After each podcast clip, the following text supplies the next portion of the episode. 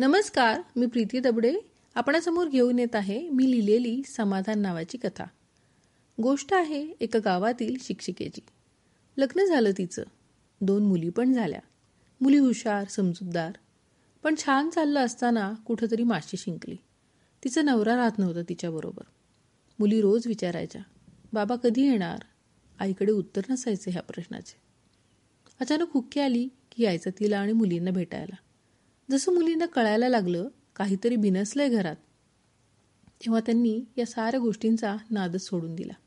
अभ्यासावर लक्ष केंद्रित केले. मोठीचं नाव मीरा आणि शकू होती धाकटी. दोघींनी दहावीची जय्यत तयारी करून चांगले मार्क्स मिळवले. बारावीनंतर इंजिनिअरिंग केलं. चांगल्या पगाराच्या नोकऱ्या दोघींनाही होत्या. आय टी इंडस्ट्रीमध्ये. दोघींची लग्न लावून दिली आईने. आईला खूप हायसं वाटलं.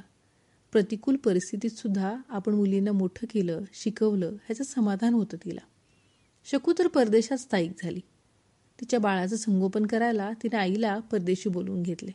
परदेश गमनाची तिची इच्छा पण पूर्ण झाली. मीराला इकडे दोन मुली झाल्या. तिचे सासू सासरे काळजी घेत होते. मुलींची ती नोकरी करायची म्हणून. पण दुर्दैवाने पुढे तिची नोकरी केली आणि घरात खटके उडायला लागले. शेवटी तिने नवरा आणि मुलीबरोबर घर सोडण्याचा निर्णय घेतला. कंटाळा आला होता तिला आपल्या गरीब स्वभावाचा कोणीतरी फायदा घेते ह्याचा.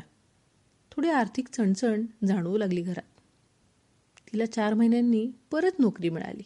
संसाराची गाडी परत हळूहळू रुळावर येऊ लागली. मीराचं नीटनेटकं चाललेलं पाहून आईला परत हाईचं वाटलं. चिंता दूर झाली होती तिची.